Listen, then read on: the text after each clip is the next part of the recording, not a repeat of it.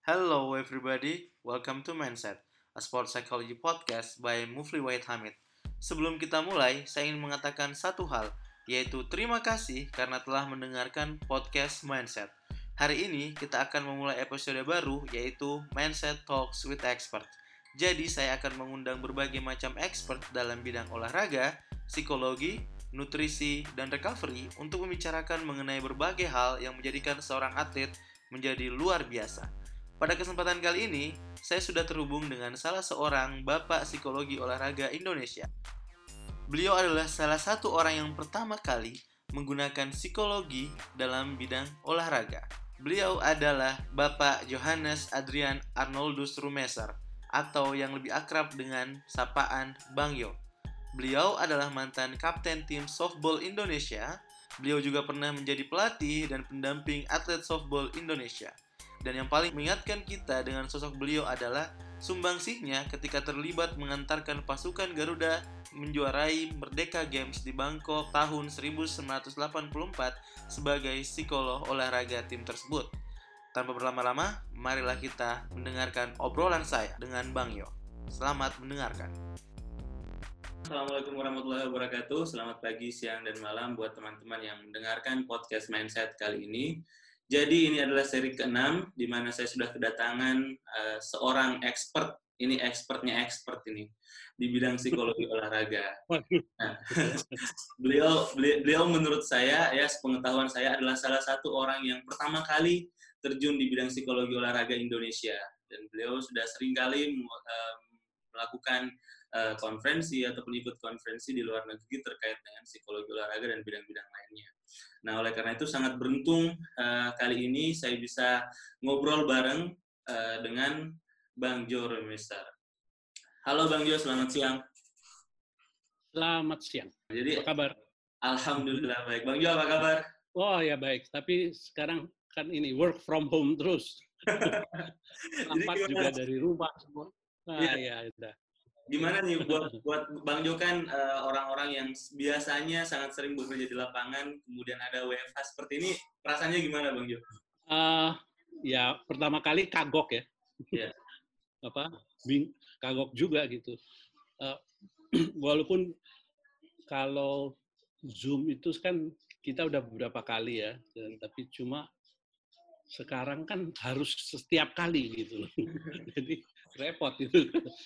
Eh, terutama ngadapin screen tuh ya. Waduh, hmm, itu iya, screen ya, ya. lebih lelah ya mata ya rasanya. Betul, betul, betul. betul, Apalagi ya. sekarang, sekarang menambah kelelahannya kelelahan matanya Bang Jo lagi nih. oh, Lelahnya itu kalau kalau harus baca itu loh segala macam kan. Nah, oh, Oke, okay, Iya, jadi um, saya dari uh, Makassar, Bang Jo dan teman-teman juga. Ini teman-teman yang uh, pendengar ini kebanyakan. Sorry, kamu kamu domisilinya Makassar, Mufli? Iya, domisilinya Makassar. Oh, okay. Aku lahirnya di Pangkep. Uh, kemarin kemudian lanjutkan studi S1 di Makassar, kemudian lanjutkan di UI S2-nya, kemudian kembali ke Makassar untuk ya mengabdi mencoba memperkenalkan psikologi olahraga di Sulawesi Selatan atau di Indonesia Timur lah pada intinya sih karena circle-nya kami di Indonesia Timur. Nah, saya juga agak kaget ternyata Bang Jo ini kelahiran Makassar. Waduh. Iya Ternyata ada loh orang ya, ya. Makassar yang yang ini yang uh, sudah sudah menasional masalah psikologi olahraga luar biasa Bang Jo. Nah, jadi okay. uh, eh, saya eh, hari ini mau bertanya beberapa hal. Kita mau diskusi sih, Bang Jo karena karena segmennya di sini namanya Mindset Talks with Expert.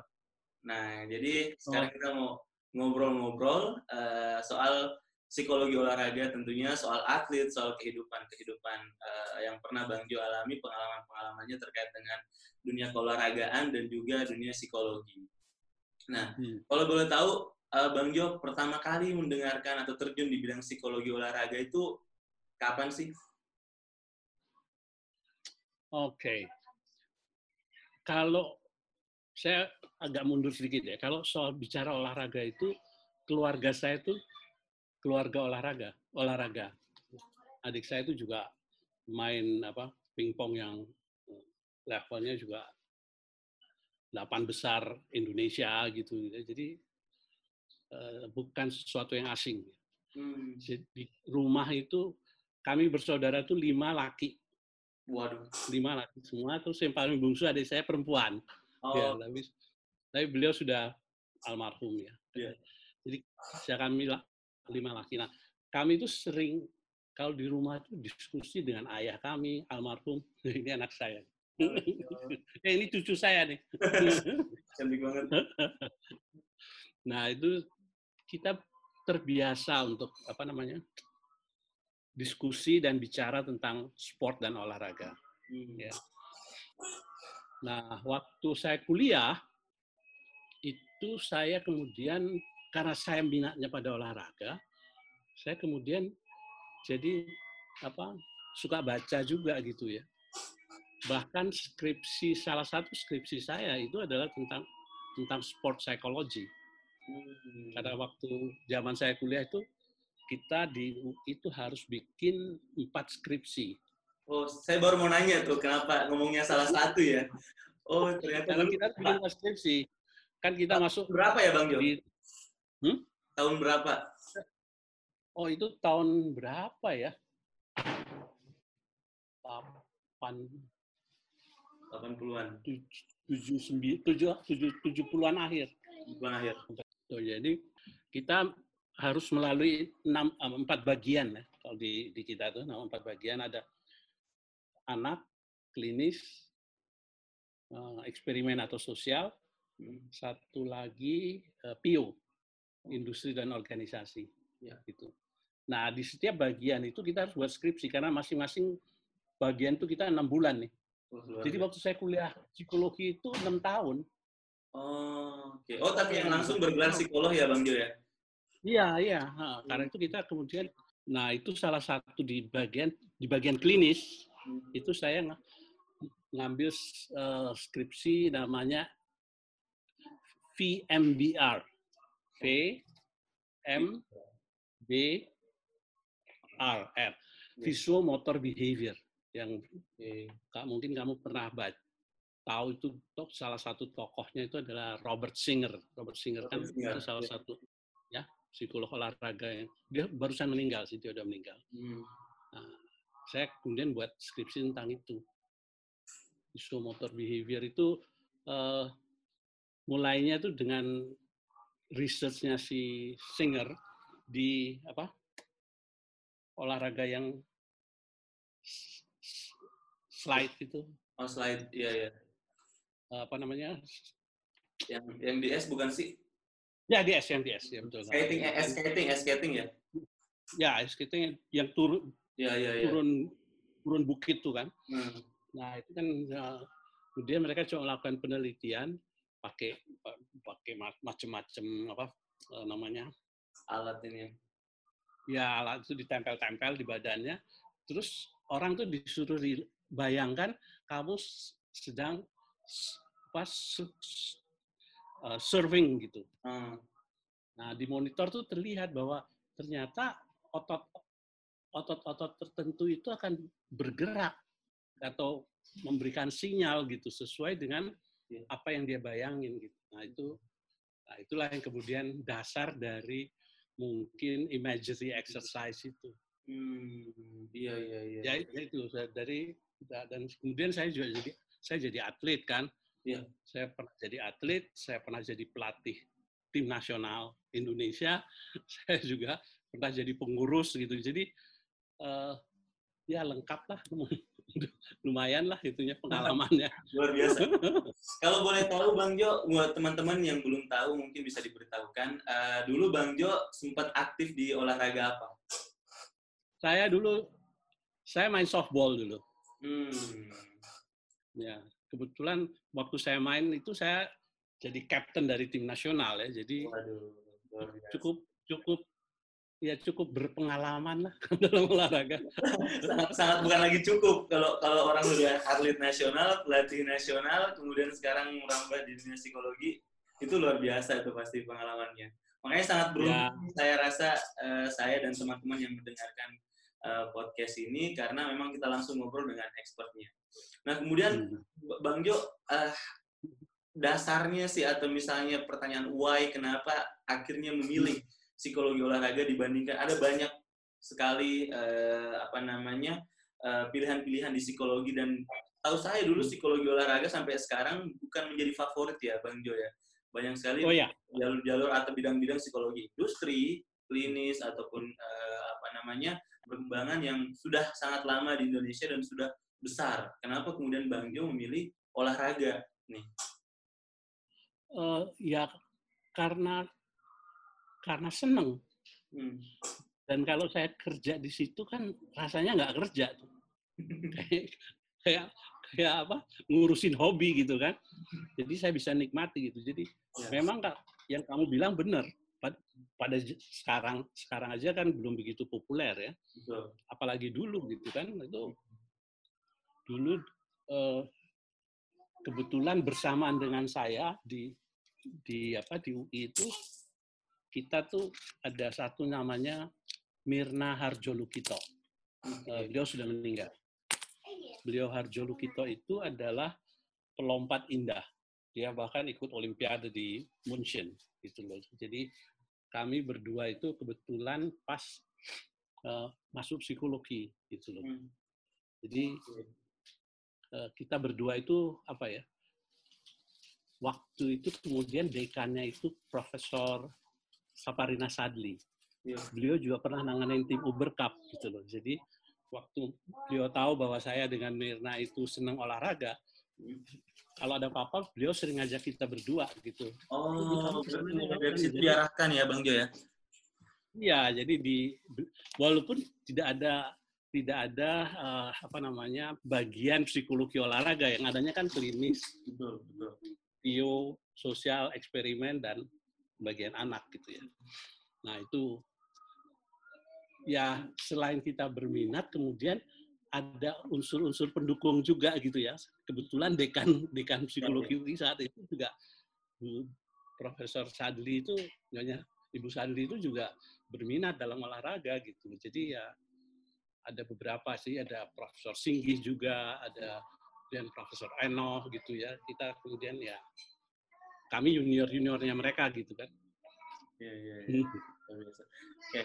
Uh, eh, kemudian saya mau nanya hal yang agak spesifik nih sekarang Bang Jo masuk ke psikologi olahraga sendiri. Nah, menurut Bang Jo sendiri sepengalaman Bang Jo ini yang sudah lama sekali uh, terjun di bidang psikologi olahraga, apa yang dibutuhkan seorang atlet untuk bisa menjadi seorang atlet yang hebat? Bang Jo?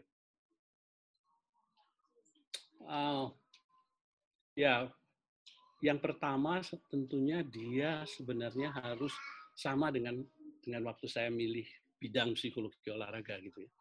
Dia harus punya apa yang disebut minat dan apa ya namanya orang orang sering mengatakan passion. Passion.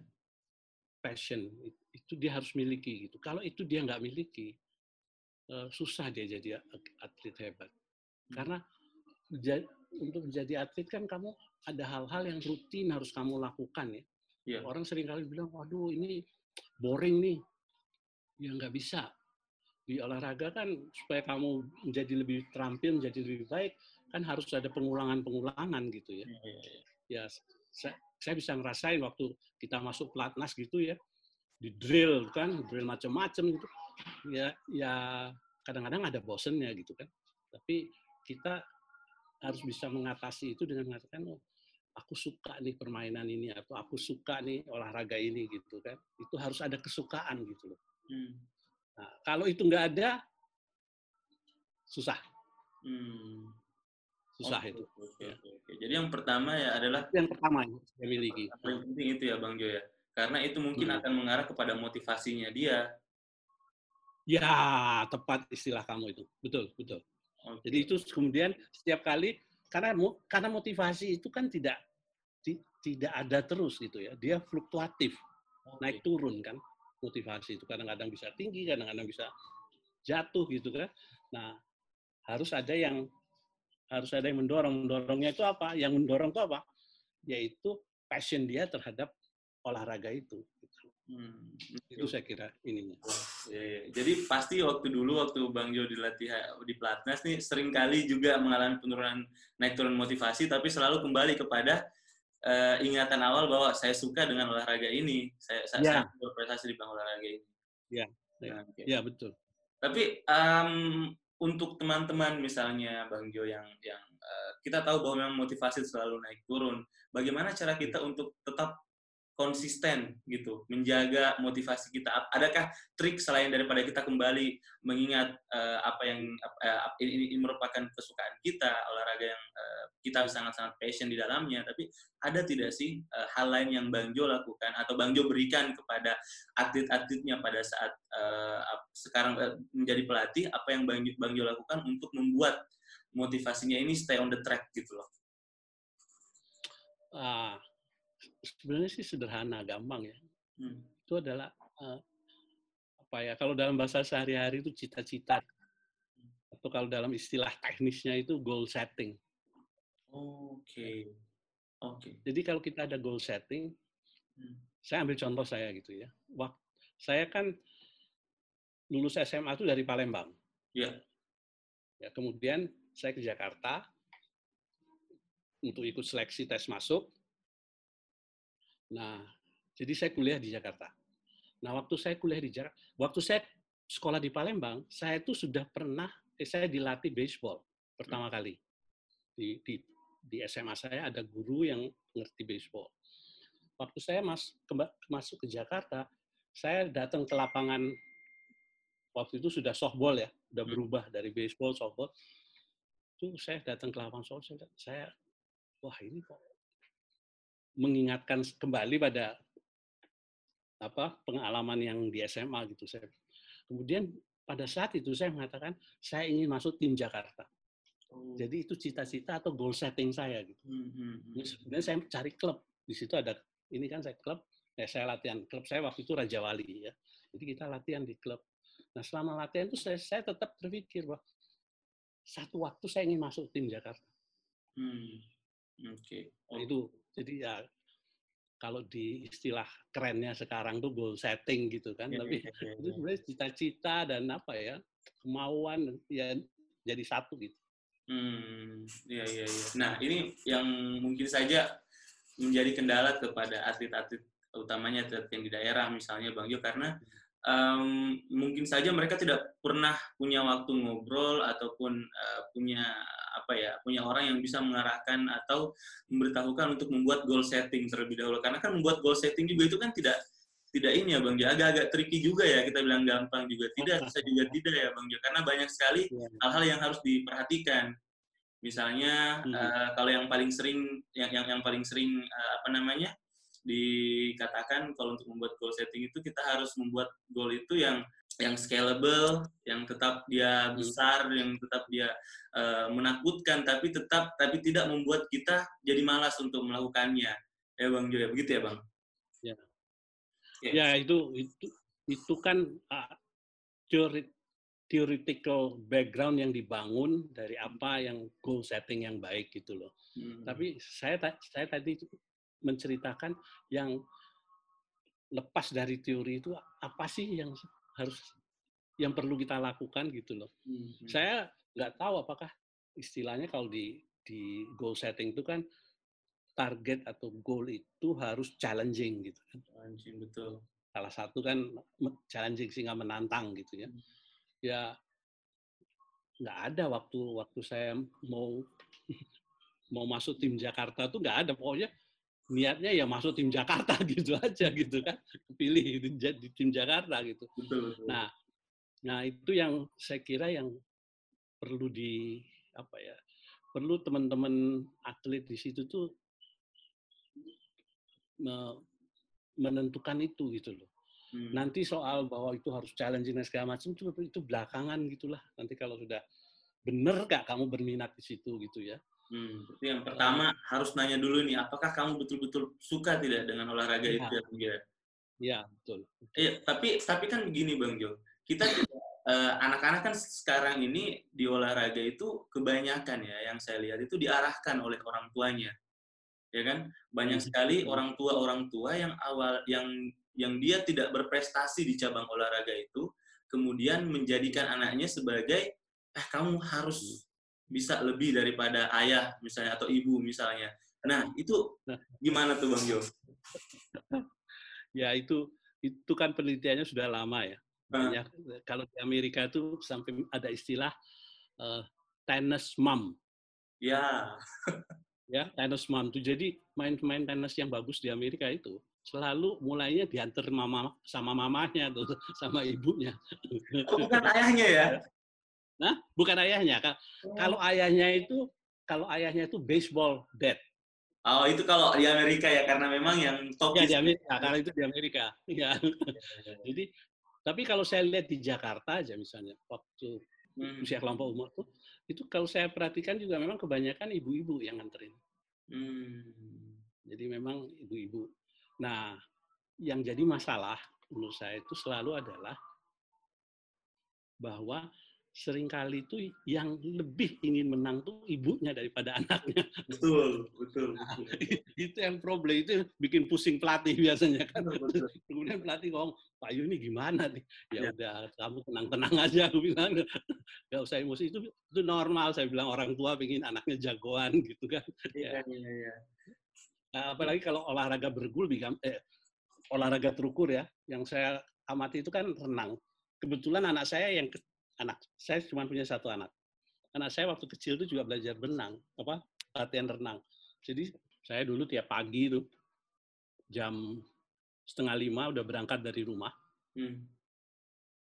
Karena anak saya harus latihan di kolam di Senayan.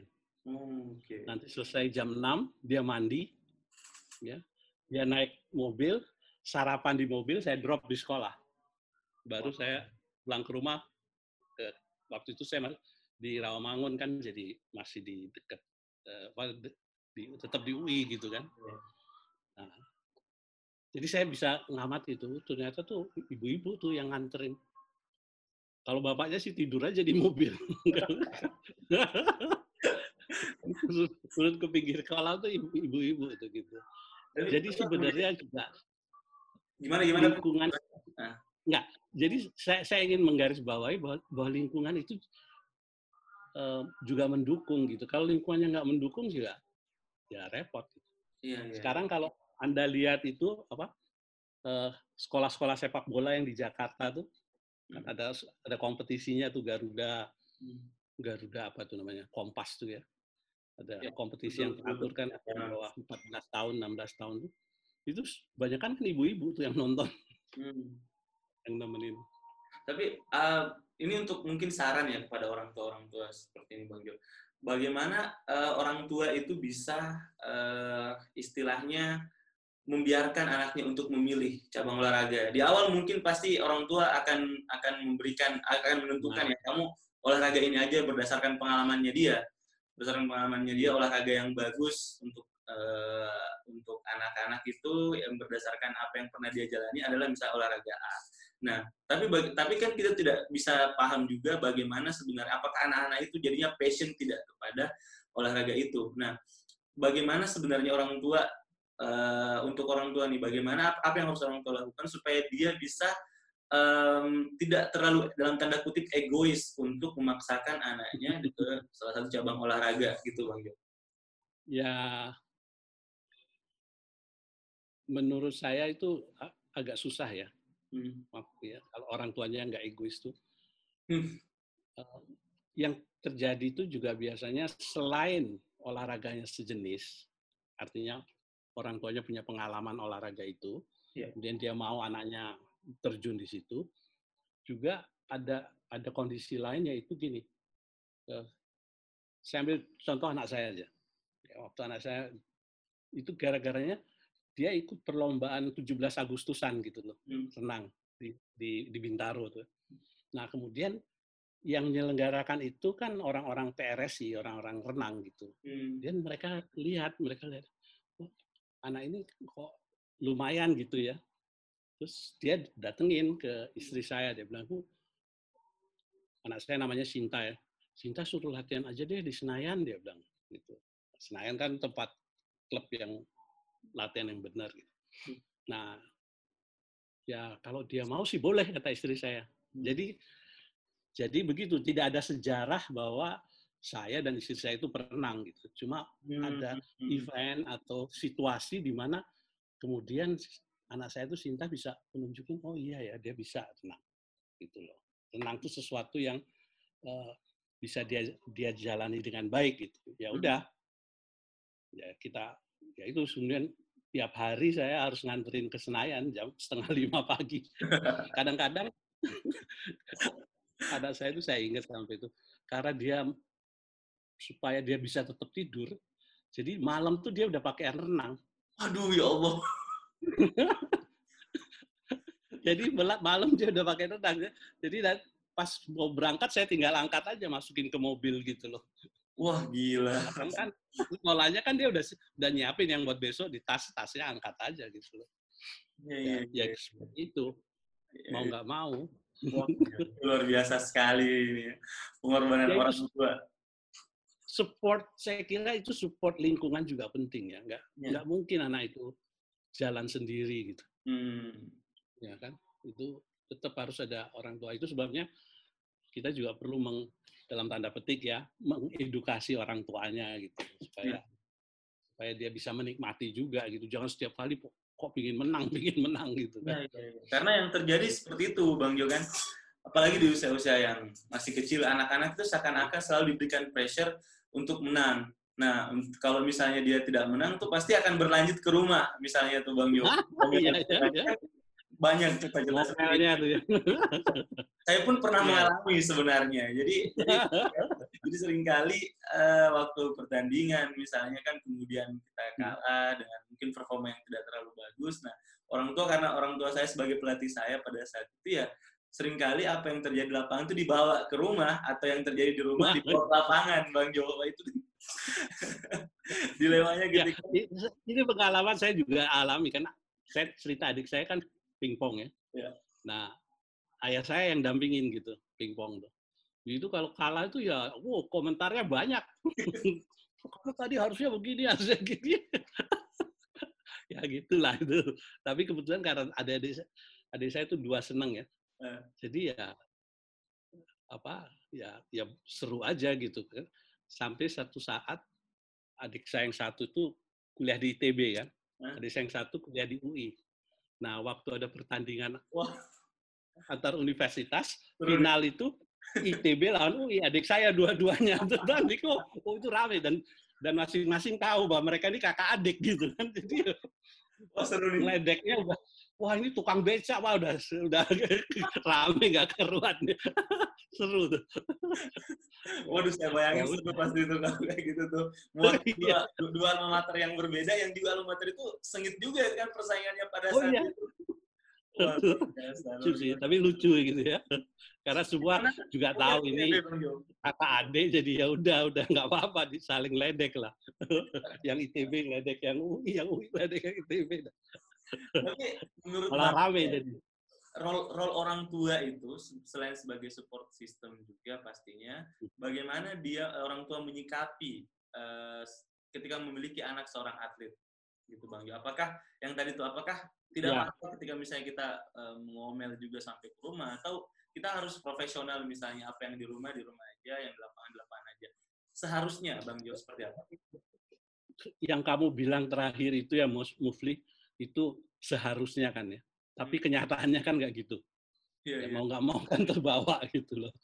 Jadi uh, saya kira uh, yang paling apa namanya paling wajar itu adalah orang tua itu menyiap membantu dan menyiapkan dukungan yang yang sesuai lah gitu ya. Hmm. Nah itu yang yang perlu dilakukan. Maksudnya dukungan yang sesuai itu misalnya gini sebagai atlet dia butuh gizi yang baik. Yeah. Tidak mahal ya, iya. gizi yang baik. Sebagai atlet dia butuh istirahat yang baik. Hmm. Nah itu yang di dukungan itu yang bisa diberikan gitu.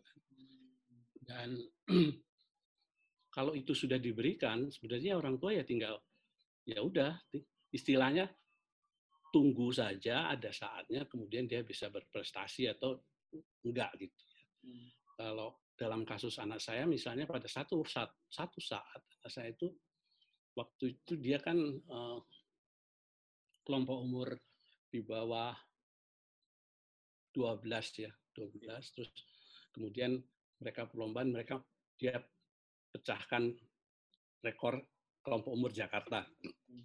Tapi sesudah itu dia ngomong ke istri saya Bu saya itu kok jadi nggak punya teman ya Hmm. Karena dia latihan kan pagi. Hmm. Kadang-kadang kalau menjelang pertandingan tuh tambah sore. Ya, ya. Sore tiga kali gitu loh. Jadi pagi itu udah ke kolam, latihan, sekolah, pulang sekolah itu dia langsung ke lapangan, eh ke apa ke kolam lagi gitu. Hmm. Iya kan? Dia bilang kok saya jadi nggak kayak nggak punya teman dia bilang. Hmm. Terus istri ya istri saya maklum juga gitu kan ya ya ya udah kamu gimana mau mau terus dia bilang bisa nggak ya aku pindah ya? Maksudnya dia pindah pindah ke mana kata istri saya. Kemudian dia pindah ke uh, apa renang indah. Oh cabang olahraganya yang dipindah? Ya cabang olahraganya pindah renang indah. Di situ dia kemudian karena latihannya tidak seberat renang kalau renang kan harus tiap hari itu kalau hmm. dua hari aja nggak apa nggak latihan itu udah turun terus apa ya. turunnya kelihatan gitu ya. Hmm. jadi ya kalau kamu senang indah kamu tahu nggak? Oh itu ada tuh Mbak Dinda tuh dia bilang dia ngajakin tuh aku ya udah dia bilang. Ya kemudian dia pindah.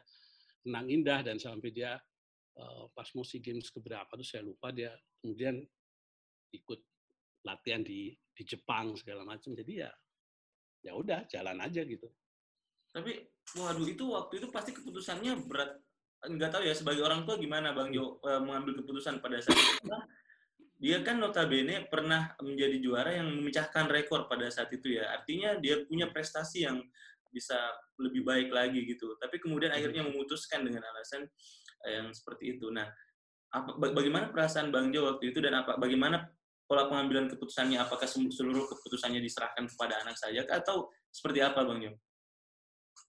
Ya, uh, sebagian besar keputusan itu akhirnya memang dia yang yang mengambil perannya ya saya sih saat itu rasanya tuh ada ada yang seperti kamu bilang ya sayang gitu ya. Ya. Tapi itu kan tanda-tanda bahwa passion dia itu sudah berkurang kan. Oh, I see. Hmm. Ya kan? Hmm. Passion dia berkurang. Nah, ka kalau itu diteruskan, dia makin bisa makin apa? Eh, makin nggak nikmat gitu loh berenangnya. Kalau udah nggak nikmat kan ya selesai dan urusannya. Betul, betul, Nah, karena terus karena itu istri saya tanya waktu itu, kamu tahu nggak sih apa tempat atau uh, nama kelompok renang indah yang kamu yang kamu tahu bagus? Dia bilang, oh ada. Nah, dia jadi dia rupanya sudah, sudah nyiapin di kepalanya. Oh ada tuh Mbak Dinda dia bilang. Hmm.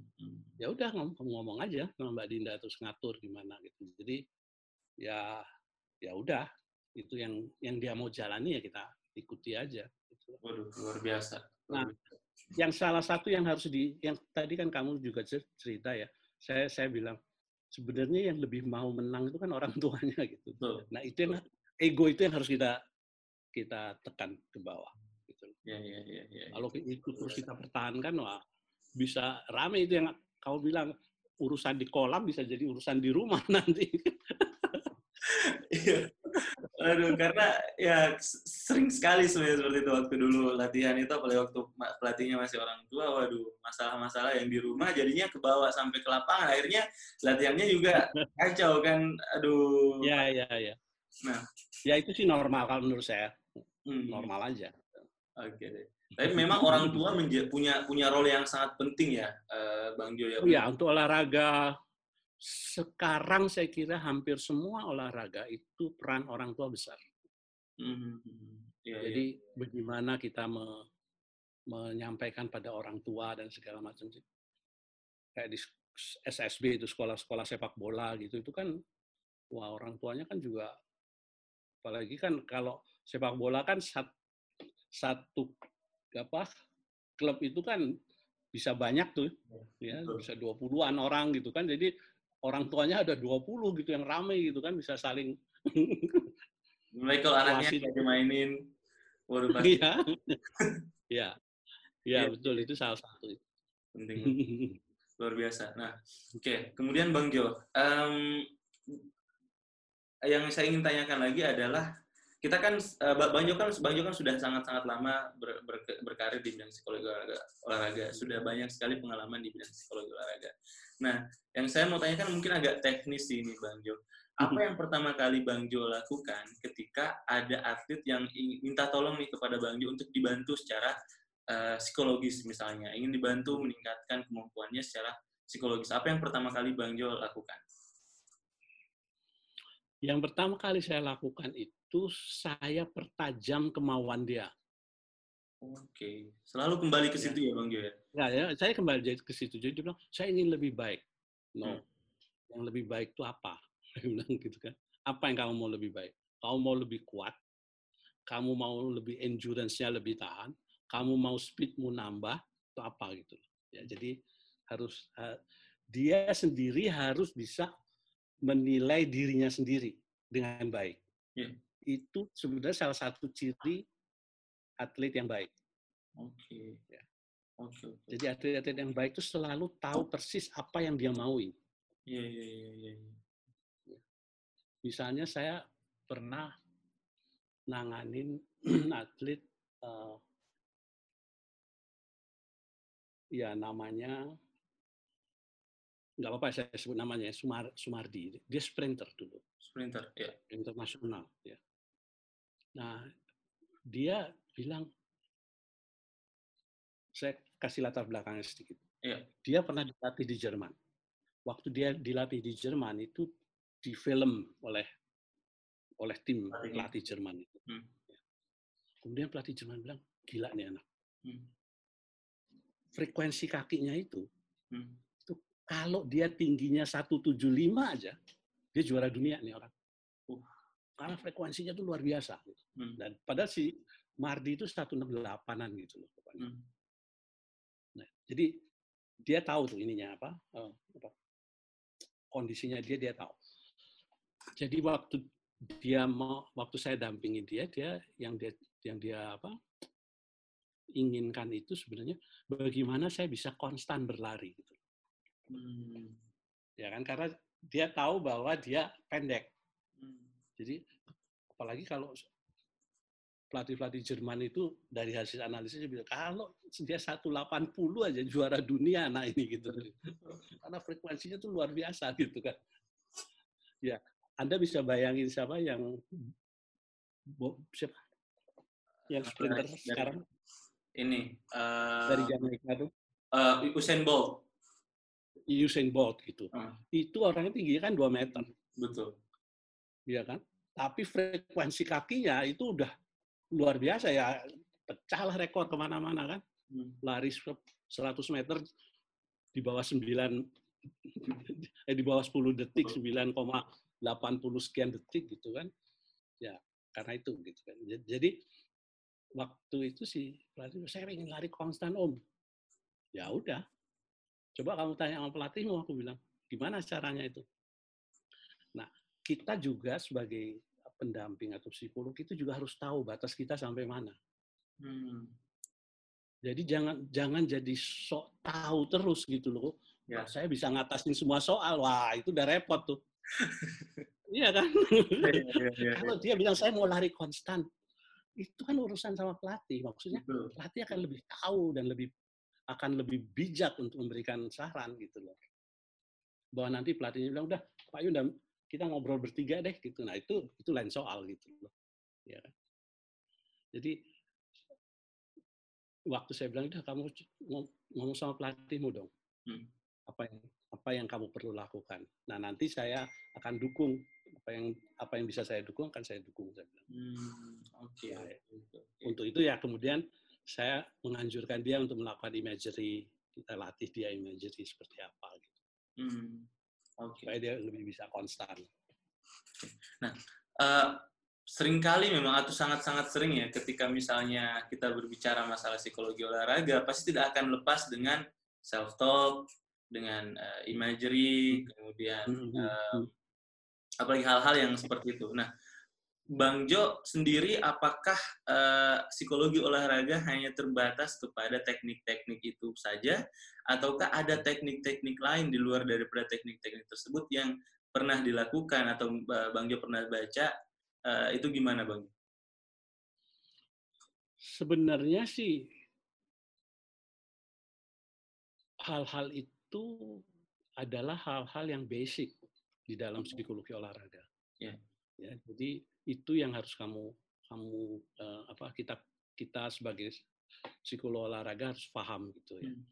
bahwa nanti dalam implementasinya dalam prakteknya itu kita melakukan beberapa penyesuaian atau kita melakukan modifikasi sesuai dengan keadaan itu soal lain tapi minimal kita tahu basicnya kayak apa hmm. ya kan ada imagery ada self talk ada relaksasi ada focusing, ada attention. Jadi teori-teori dasarnya harus kita kuasai gitu loh. Okay. Kalau kamu kuasai dasarnya, maka begitu kamu melakukan apakah modifikasi segala macam, kamu nggak akan keluar dari rel. Karena hmm. kamu kan tahu oh, ini dasarnya kayak gini nih. Ya, apa ya. yang harus saya lakukan gitu kan. Misalnya uh, saya kan pernah megang tim PSSI Garuda 2, Garuda 1 waktu itu. Hmm itu Garuda Muda tuh ya. Itu saya pegang hampir tiga tahun ya. Dan pelatihnya tuh dari Brazil waktu itu. Hmm. Barbatana namanya. Barbatana ini pelatih dari Brazil yang biasa melatih anak muda. Di Brazil pun dia melatih anak muda. Karena itu kita PSSI merekrut dia untuk datang ke Indonesia. Nah tim itu pedoman saya cuma satu selain saya melakukan evaluasi psikologi, jadi mereka dapat saya dapat profilnya anak-anak itu. Kemudian saya pikir apa ya yang tim ini kan bayangannya akan jadi jadi apa pelapis tim senior gitu kan, tim PSSI senior. Ya. Dan waktu itu sih berhasil ya, sudah tiga tahun kita ikut Kings Cup di Bangkok. Hmm itu sesudah mungkin 15 tahunan ya kita ikut Kings Cup, kita nggak pernah lolos dari penyisihan. Hmm.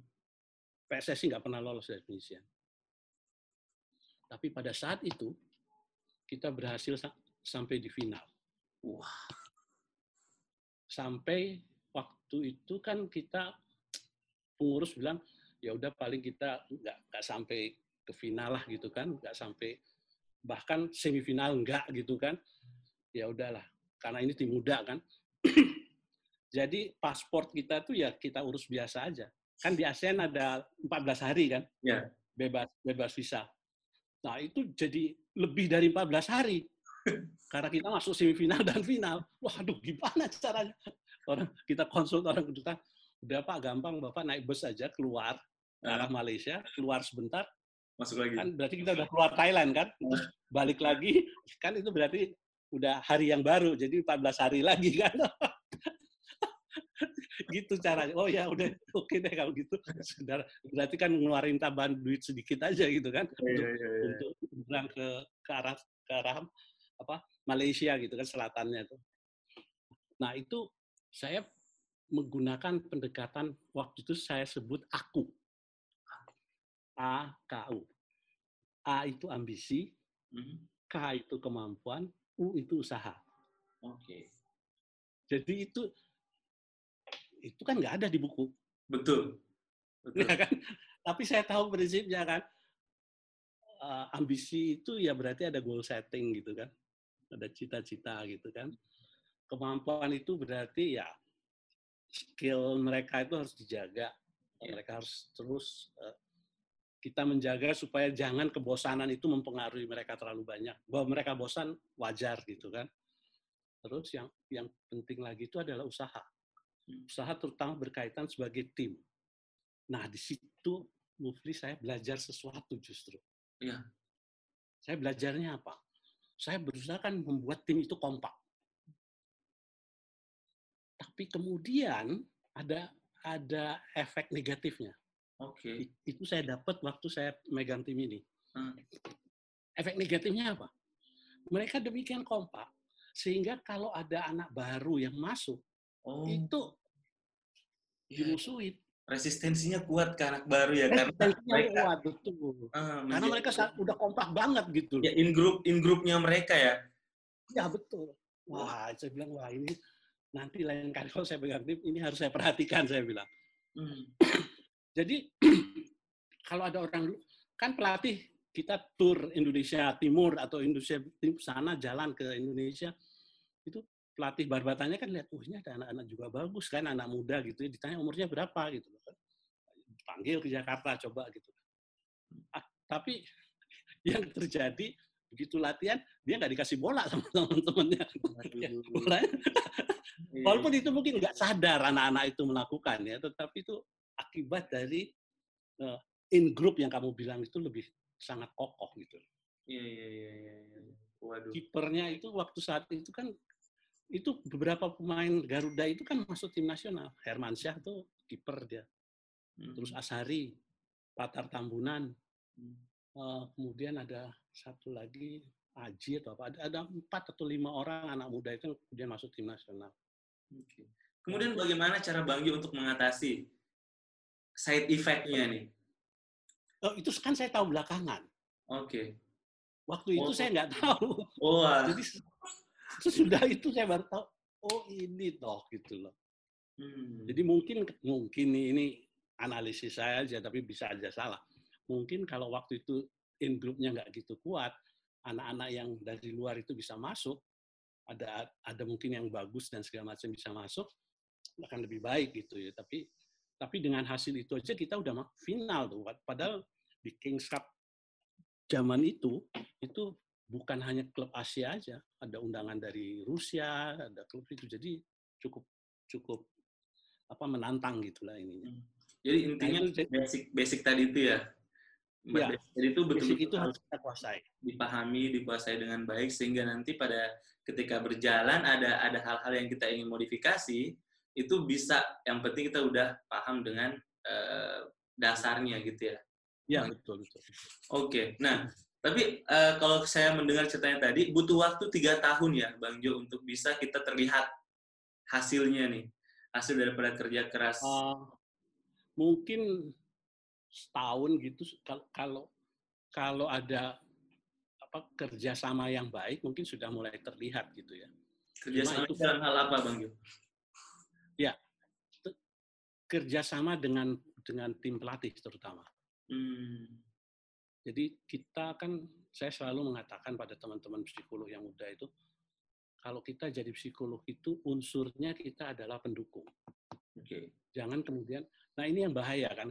Ada psikolog misalnya, ngomong kosong aja nih ya, ada psikolog, pemain bola yang bagus.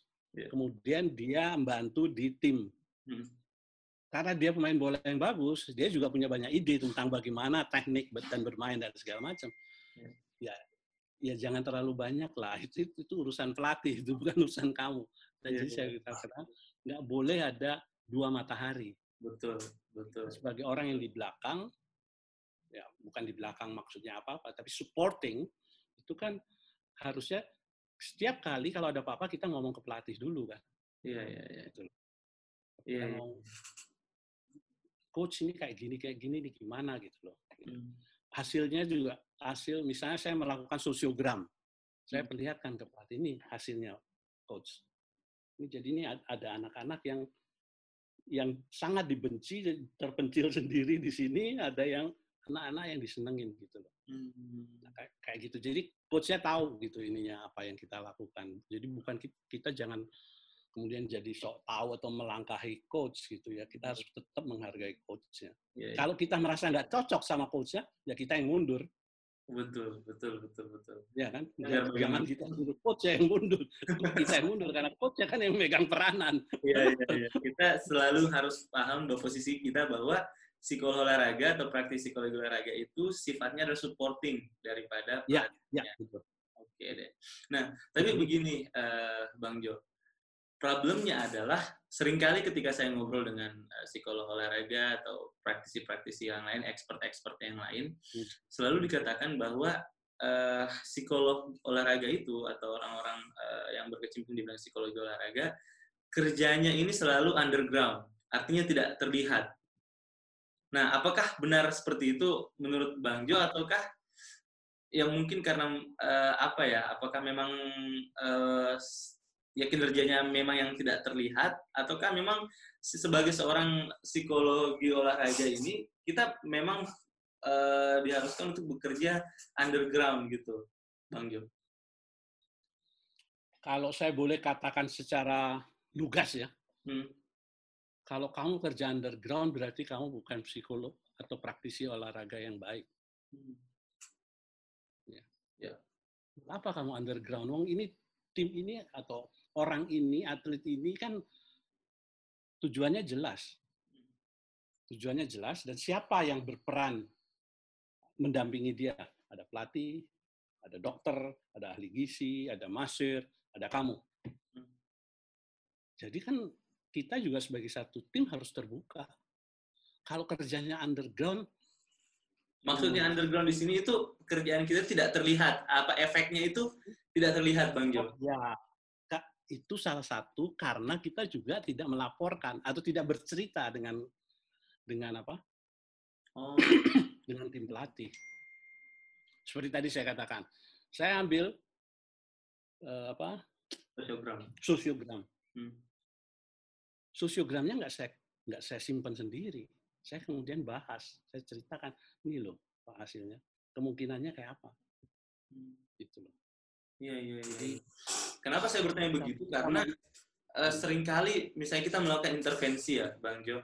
Misalnya kita mau meningkatkan percaya diri nih, atau misalnya ada hal-hal yang uh, atau mengurangi kecemasan bertanding. Nah, uh, sering kali apa yang kita lakukan sifatnya kan pendekatannya ke individu uh, bang. Ya. Nah, kemudian saya tidak tahu ya, tapi uh, menurut menurut uh, apa yang saya dengarkan, nah kita tidak bisa melihat uh, bagaimana kemudian anak-anak itu ber, berperilaku di lapangan, ketika kemudian kita bisa mengatakan bahwa uh, percaya dirinya lebih bagus atau sulit mungkin untuk melihat indikator bagaimana seorang anak ini memiliki uh, percaya diri yang sudah meningkat atau kecemasan yang sudah menurun sehingga begitulah dikatakan bahwa psikolog olahraga itu memiliki pekerjaan yang uh, tidak terlihat misalnya seperti itu. Nah, gimana tuh Bang Jo?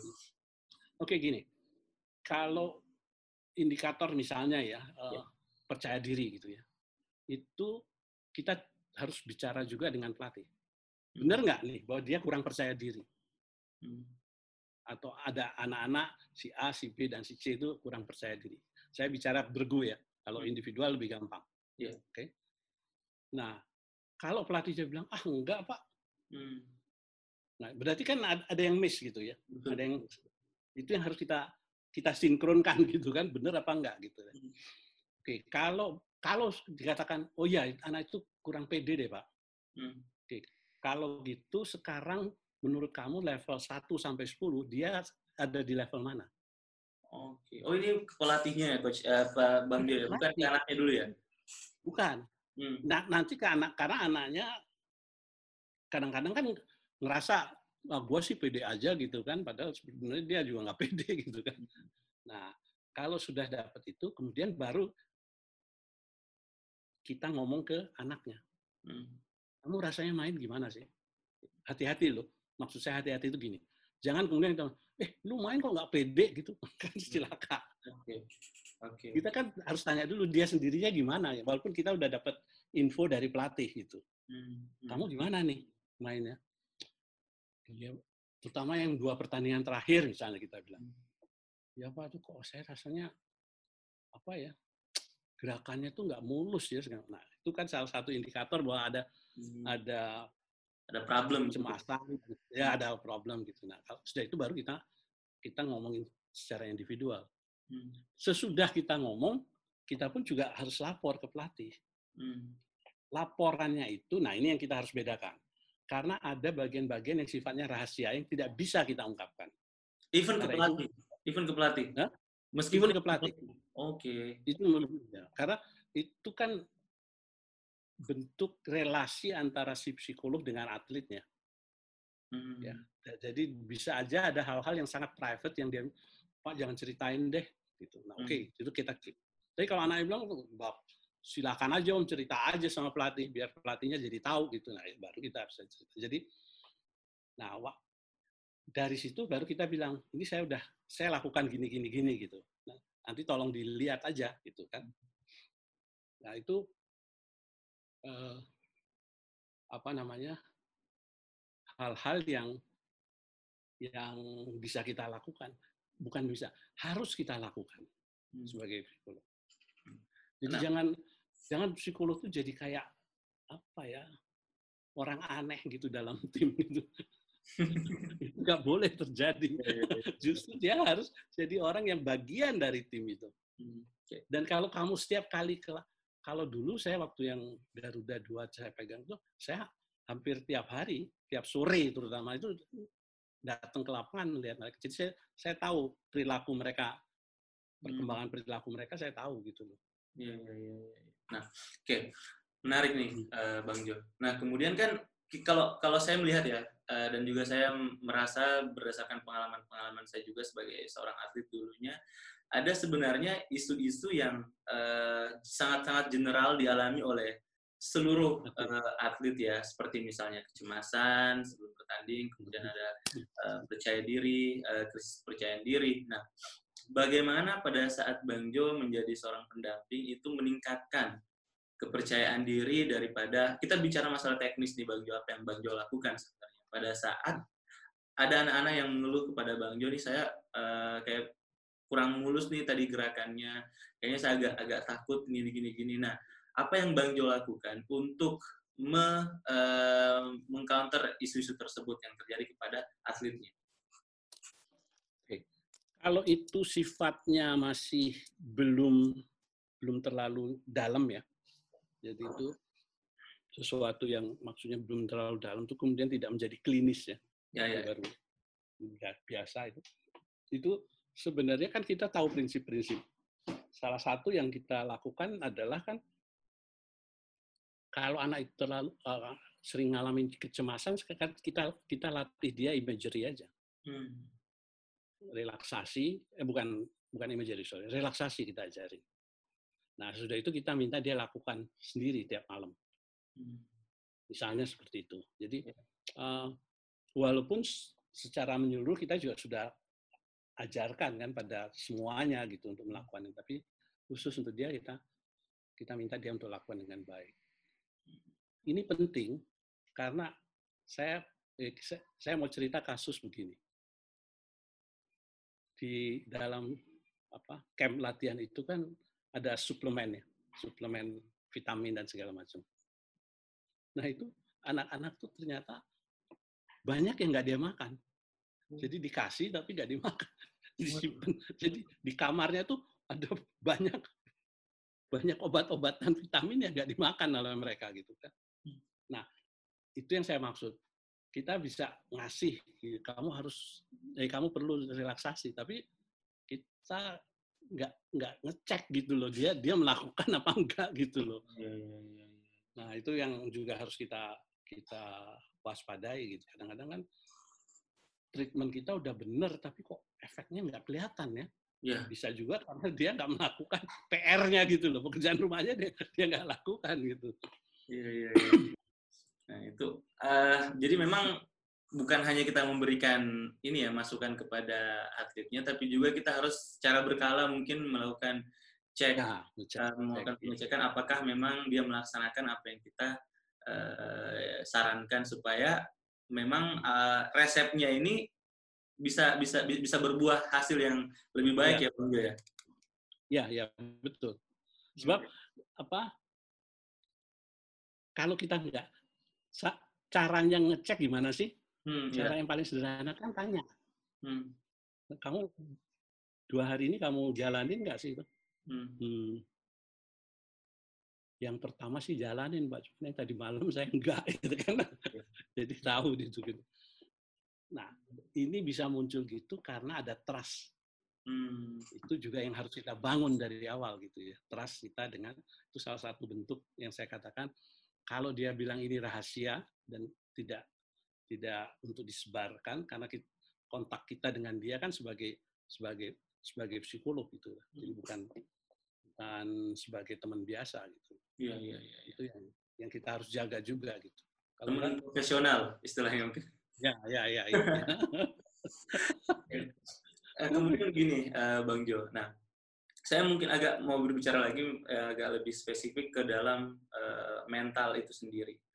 Nah banyak sekali pelatih-pelatih yang ketika misalnya nih uh, anak latihnya atau uh, atletnya itu tidak melakukan sesuatu hal yang sesuai dengan instruksinya, dia selalu menyalahkan, wah ini anak mentalnya jelek nih, ini anak uh, belum bagus nih mentalnya nih. Nah, menurut Bang Jo sendiri, apa yang dikatakan oleh pelatih itu benarkah segala sesuatu hal yang yang kemudian uh, tidak bagus yang ditunjukkan daripada atlet itu bermuara daripada mentalnya yang tidak bagus? Ya, ini ada semacam salah kaprah ya yang hmm. yang sering dipakai gitu kan. Kalau sesuatu yang tidak bisa kita jelaskan, ya. maka kemudian kita masukkan dalam keranjang mental atau faktor X, ya kan? Faktor X atau kan itu paling gampang gitu kan. Hmm. Nah, hal ini bisa kita atasi dengan cara apa? Cara caranya adalah pada saat pertama kita harus sepakat dengan tim pelatih segala macam yang kita masuk mental itu apa? Okay. Mental atau kelakuan. Ya. Kan? Atau uh, ya, saya selalu membedakan antara mental dan behavior gitu ya. Nah, ini kalau ini kelakuan dia kelakuannya yang tidak baik, kelakuan apa yang tidak baik gitu loh. Hmm. Ya kan? Nah, itu kita harus sepakati pada awalnya dengan tim pelatih. Jadi mereka juga aware gitu loh dengan dengan apa kondisi itu. Hmm.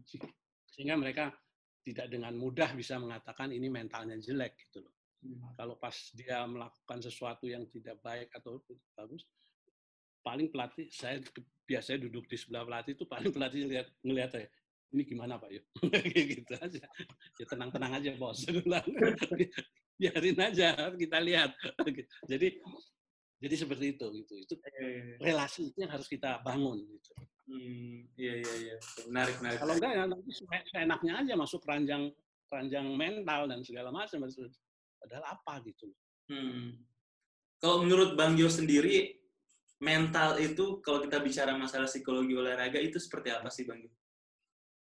Mental itu sebenarnya seluruh seluruh aspek yang berkaitan dengan apa namanya seluruh aspek yang ber, berka, tidak berkaitan dengan soal-soal teknis. Oh, tidak justru yang tidak berkaitan ya? Tidak berkaitan dengan soal teknis. Bahwa nanti ada kaitannya ya, tetapi kalau kita pisahkan ya, maka dia itu bukan hal-hal yang berkawan, ber, ber, berhubungan dengan hal yang teknis. Kita tidak teknis itu maksud saya bisa nendang bola, hmm. ya, nendang atau passing itu itu bukan bukan bukan itu technical. Hmm. Tapi mentalnya adalah dia mau menendang bola sesuai instruksi pelatih. Hmm. Ya itu itu yang yang dipakai gitu ya. Jadi misalnya gini, saya cerita pengalaman dengan Barbatana yang saya sebut pelatih dari Brazil itu. Jadi Barbatana itu sedang lihat-lihat dia bilang, wah nggak bisa dia bilang. Kenapa nggak bisa? Maksudnya apa? Aku bilang, gini, mereka itu selalu kalau ke gawang selalu mau nendangnya keras dia bilang. Hmm. Padahal nendang yang benar atau masuk gol itu adalah tendangan yang placing dia bilang. Itu barbatana. Jadi, nah itu, waktu dia bilang yang placing, jadi saya punya punya bayangan. Hmm. Waktu saya ngobrol sama anak-anak, saya bilang, lu selalu nendang keras ke gawang itu berhasil buat gol nggak? Padahal kamu kalau kamu lihat misalnya gawang di sini, gawang di sini, penjaga gawang di sini, kamu bisa lob kan ke sini. Hmm. Iya kan? Hmm. Karena aku dapat info dari pelatih kan. Nah, itulah yang kemudian pembiasaan untuk tidak selalu nendang keras atau sekali-sekali melakukan placing itu bagian dari mental tuh. Oke, okay. I see. Hmm. kelihatan ini. Jelas ya bedanya. Iya, ya, jelas, jelas, jelas. jelas. Bagaimana nendangnya itu urusan pelatih gitu. Hmm, hmm, hmm. Kapan kamu placing, kapan kamu shoot keras. Gitu. Oke, oke. Jadi pengambilan keputusan ya untuk men- menentukan ah, kapan kita melakukan A, kapan kita melakukan B itu adalah uh, fungsi mental yang bermain di situ. Betul sekali, betul sekali. Oke, oke, oke. Menarik nih. Nah, kemudian eh, Bang Jo, eh, mental skills apa sih yang harusnya dimiliki seorang supaya dia bisa menjadi atlet yang hebat itu harusnya dia memiliki mental skills yang seperti apa? Ya, kalau kalau ditanya mental skill yang yang yang apa yang khas itu adalah ya tadi dia mental skillnya itu ya pertama kan mulai dari attitude-nya dia harus positif dia tahu bahwa kamu harus jaga motivasi kamu gitu ya kemudian mental skill yang lain itu adalah ya pada hal-hal yang sifatnya ya tadi mental imagery self talk Hmm. gitu ya kemudian juga ada eh, apa namanya konsentrasi Hmm. eh, kemudian anxiety, kamu menghandle anxiety kamu. Eh, ada atlet yang kalau mau bertanding pertandingan yang menentukan itu kan di ruang ganti pakaian itu kan rasanya mau muntah-muntah terus gitu kan. Iya, iya, iya, iya. iya. Nah, itu, nah, itu itu yang hal yang bisa kita, kita bisa bantu dia untuk mengatasi karena itu berarti kan anxiety-nya udah berkelebihan gitu ya. Iya, iya, iya. Nah, itu langsung diarahkan ke klinikal kah atau masih bisa kita Oh, tangani enggak. profesional? Bisa, bisa, bisa, bisa ditangani secara educational. Hmm. Dan itu maksudnya saya tidak bisa ditangani saat itu. Oh. Gejala itu kan kita lihat. Oh kalau gitu nanti dalam latihan kita kita ajari dia untuk bisa manage anxiety-nya gitu. Hmm, dengan cara-cara pendekatan klik gitu aja gitu loh. ha. Hmm. Ada proses. Nanti sesudah katakanlah tiga bulan kita bisa lihat bahwa pada saat pertandingan menentukan eh, mual-mualnya itu tidak tidak seperti yang tiga bulan yang lalu gitu kan sudah menurun. Nah itu salah satu yang Oke. indikasi yang bisa kita lihat. Menarik, menarik, menarik, menarik. Nah, yang dikatakan tadi Bang Jo pertama adalah attitude ya. Nah, attitude itu maknanya apa sih Bang Jo sebagai sebagai seorang atlet ini bagaimana dia harusnya memaknai memaknai attitude itu? Attitude itu sebenarnya kan eh, apa namanya ya? Attitude di sini itu bukan dalam pengertian psikologi sosial ya. Kalau attitude sikap dalam psikologi sosial itu kan ada ada kognitif, ada afektif, ada tendensi itu. Tapi attitude itu adalah the whole manner dari orang itu terhadap kegiatan olahraganya dia gitu. Hmm.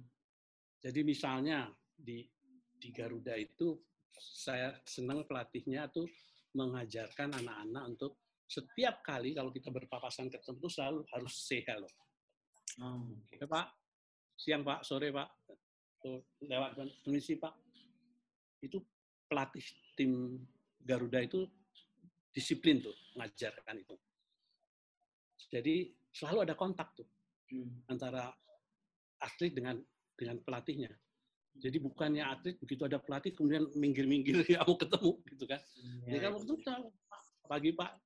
Jadi it- itu yang saya maksud attitude. Jadi dia sikapnya positif gitu loh terhadap lingkungan lingkungan uh, olahraga yang dia dia tangani gitu.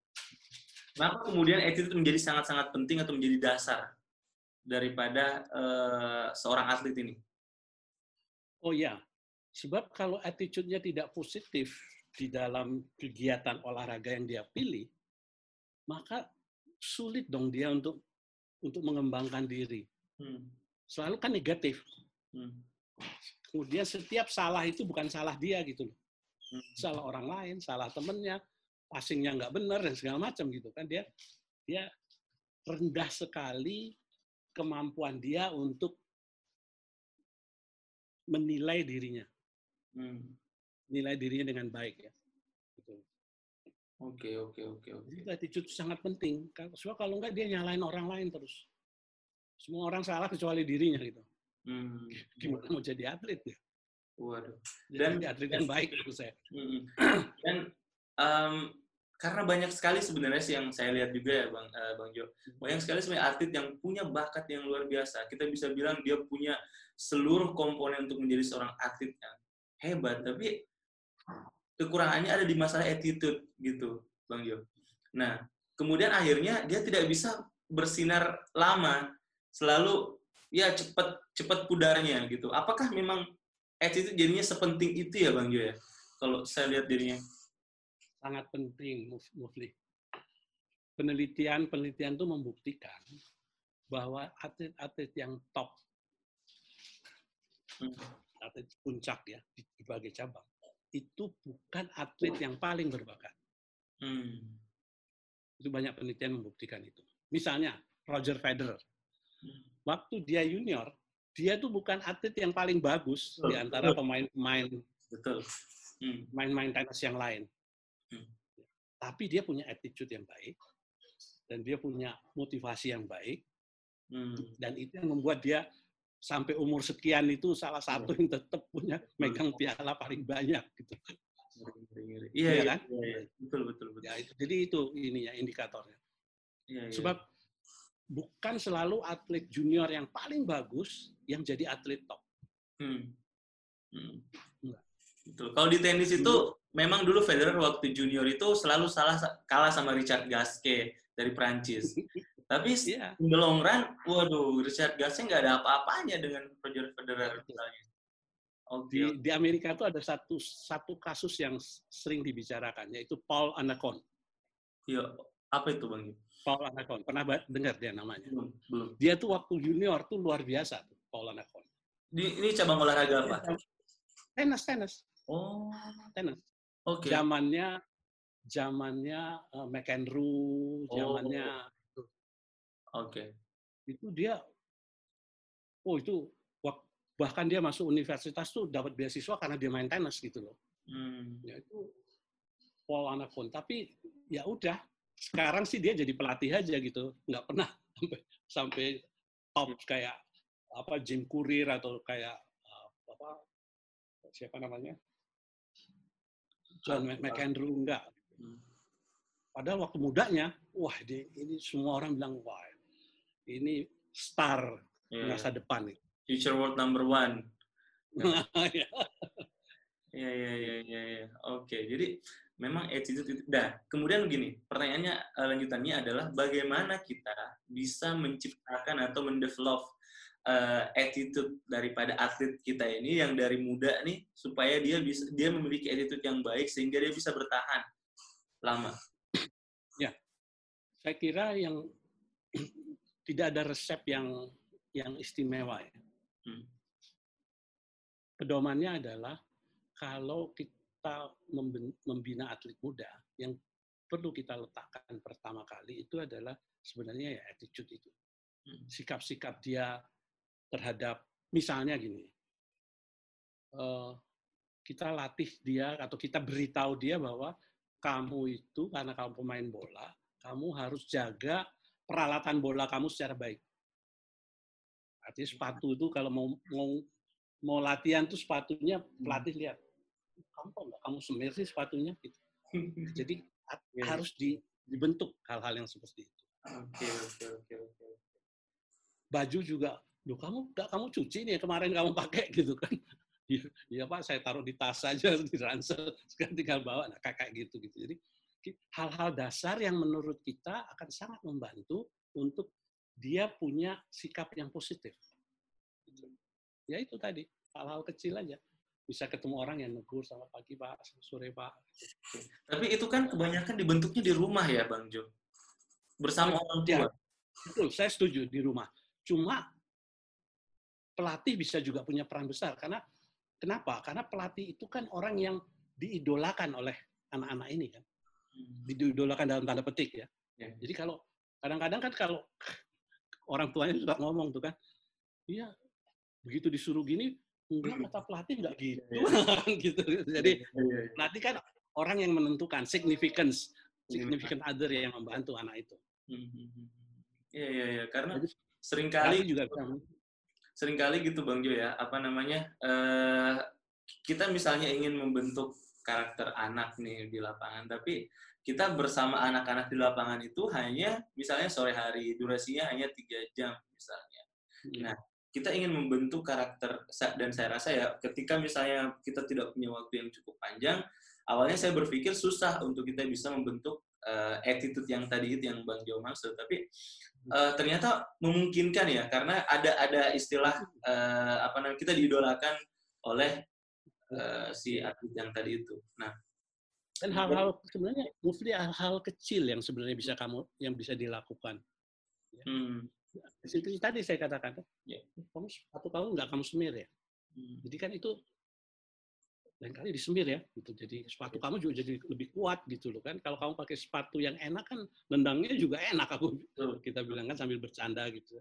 Ya. Jadi itu yang apa yang kita sebut sebagai pep talk gitu ya habis latihan kan biasanya nggak langsung bubar. Habis latihan kan duduk sebentar untuk istirahat. Nah, di situ kan masukan-masukan itu bisa disampaikan oleh pelatih. Ya, ya, ya, Oke, ya, kamu kalau kamu pulang, barang-barang kamu kamu letakkan di tempatnya, kemudian kamu siapkan, kamu mau mau belajar atau apa gitu kan.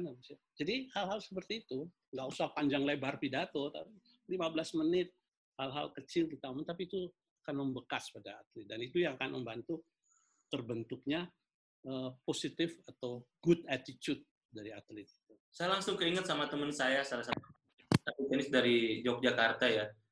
Dia okay. itu pada saat kita selesai main atau mau main itu itu raketnya itu di di dilapin detail banget dilap dilap uh, di, di iya, iya. apa namanya senarnya dilap raketnya dilap saya waktu itu pertama kali ngeliat lah kok segitunya ya Nah, iya, iya. baru nih kemudian setelah ngobrol dengan uh, Bang Jo, kemudian saya sadar, oh berarti hal, hal, hal untuk kita bisa sampai kepada attitude yang baik, goalnya bisa di attitude yang baik, selalu dimulai dari hal-hal yang kecil. Kecil-kecil.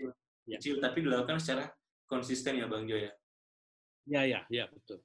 Waduh, luar biasa, luar biasa. Nah, saya, saya baru ada insight baru nih, bagaimana hal-hal uh, kita bisa membuat attitude yang baik itu berarti, berarti berdasarkan daripada hal-hal yang tadi itu.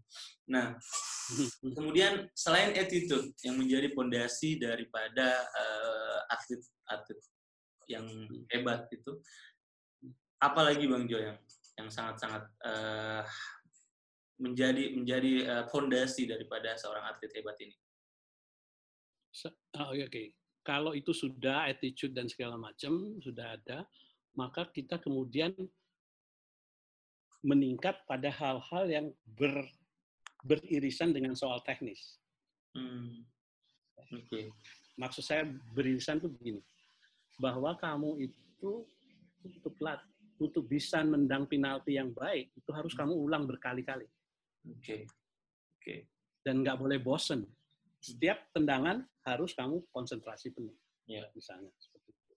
Jadi uh, kayak hal kayak seperti itu yang uh, yang namanya apa ya? Hmm, tidak boleh dia mudah mudah menyerah pada drilling. Hmm. Karena misalnya ini sekarang kamu top spin deh atau serve deh. Hmm. Di di T corners itu dikasih target gitu berapa kali yang masuk, berapa kali yang enggak gitu. Hmm. Nah itu kan harus kamu lakukan sungguh-sungguh. Ya, ya. ya kan, jadi itu uh, dia tidak boleh bosen pada drilling. Bahwa ada satu saat bosen, oke okay, normal. Hmm. Tapi nggak boleh dia cepat putus asa dan kadang-kadang dia arahnya ke T itu out out nyangkut nyangkut ya nggak nggak boleh berhenti sesuai dengan apa namanya porsi yang dikasih oleh pelatih ya lakukan itu.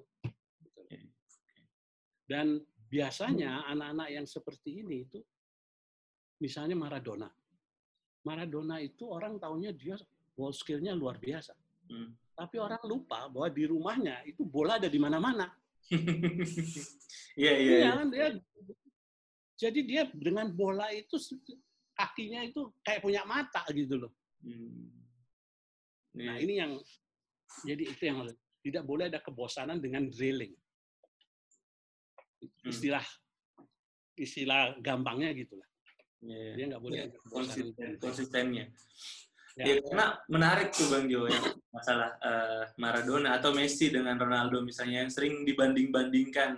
Katanya Messi itu memang berbakat, kalau Ronaldo dia besar karena uh, usahanya, hard work-nya. Terus oh, pasti kita berpikir ya, nggak mungkin dong Messi dengan bakat yang yang segitu bagusnya, kemudian ketika dia tidak bekerja keras juga tidak mungkin dia bisa mencapai posisi yang sekarang Bang Jo ya. Nah itu sering kali itu menjadi perdebatan perdebatan perdebatan di dan, dan gini selalu orang harus ingat hmm. bahwa bakat itu bagian dari sesuatu yang bisa membuat kamu jago. Iya. Tapi itu bagian aja. Bagian. Nah dari... supaya kamu jago, kamu harus ada latihan atau drilling. Hmm. Nggak bisa modal bakat aja. Hmm. Sama sama aja deh dengan tes. Tes hmm. IQ-nya potensinya bagus. Tapi kalau dia nggak belajar kan rapotnya kan jelek juga gitu kan. Ya, ya, ya, sama aja itu. Gitu. Nah. Bahwa bakat itu akan membantu ya. Tapi yang melengkapi itu semua adalah drilling, latihan. Drilling. Itu enggak olahraga ya. Iya, nggak bisa nggak bisa lepas. bisa. Kalau menurut saya pribadi ada empat aspek supaya atlet itu bisa menjadi atlet yang hebat. Yang pertama itu drilling, tadi latihannya. Kedua adalah uh, psikologisnya. Ketiga adalah nutrisinya. Yang keempat adalah recovery-nya. Jadi keempat nah, empat empat ini yang sangat sangat yang selalu saya endorse bahwa atlet harus punya atau atau orang tua harus membantu atlet untuk mencapai keempat-empat ini. Ketika latihannya dia harus bagus, kemudian um, psikologisnya juga harus terpenuhi dengan baik, nutrisinya dan juga uh, recovery-nya. Kalau menurut Bang Jo, iya. apa apa saja sih yang membuat seorang atlet menjadi hebat itu? Ya yang kamu bilang itu udah benar. Hmm. Empat itu ya. Nah, cuma ada satu lagi hal itu adalah sebenarnya itu tambahan. Tambahannya itu begini tadi saya mengatakan passion. Passion. Passion itu bisa dalam berbagai macam bentuk. Misalnya kayak tadi Maradona itu di rumahnya banyak bola tuh, di mana-mana di rumahnya ada bola gitu. Sambil dia jalan dia nendang bola gitu. Hmm. Ya. Selain passion, passion itu juga bisa misalnya dia selalu lihat video-video atau pertandingan-pertandingan yang yang top. Itu juga menunjukkan dia ada passion. Hmm. Passion juga misalnya begitu ada acara uh, musik sama ada pertandingan, dia milih pertandingan. Nah, itu menunjukkan ada passion. Iya, iya, iya, Jadi kayak kayak gitu itu. Jadi passion itu bisa terwujud dalam berbagai macam bentuk. Gitu. Hmm. Ah, mungkin ada yang sampai mimpi-mimpi gitu kan. Hmm. Itu salah satu bentuk passion juga gitu. Oke, menarik, menarik, menarik. Nah, uh, kalau kalau kita men, men, ya. apa namanya uh, merujuk kepada teorinya Leisek, itu kan ada sembilan mental skills yang harus uh, dimiliki seorang atlet ya uh, Bang Joya supaya dia bisa menjadi seorang atlet yang yang yang hebat.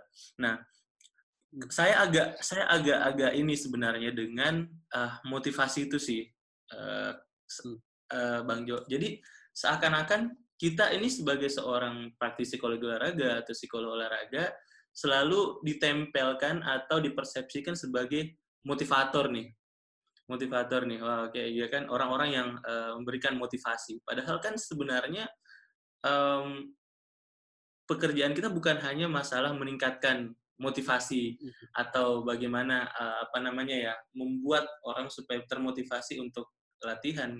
Kita iya. kita justru uh, motivasi itu harusnya sebaiknya berasal daripada dirinya sendiri ya, Bang iya. Jo ya.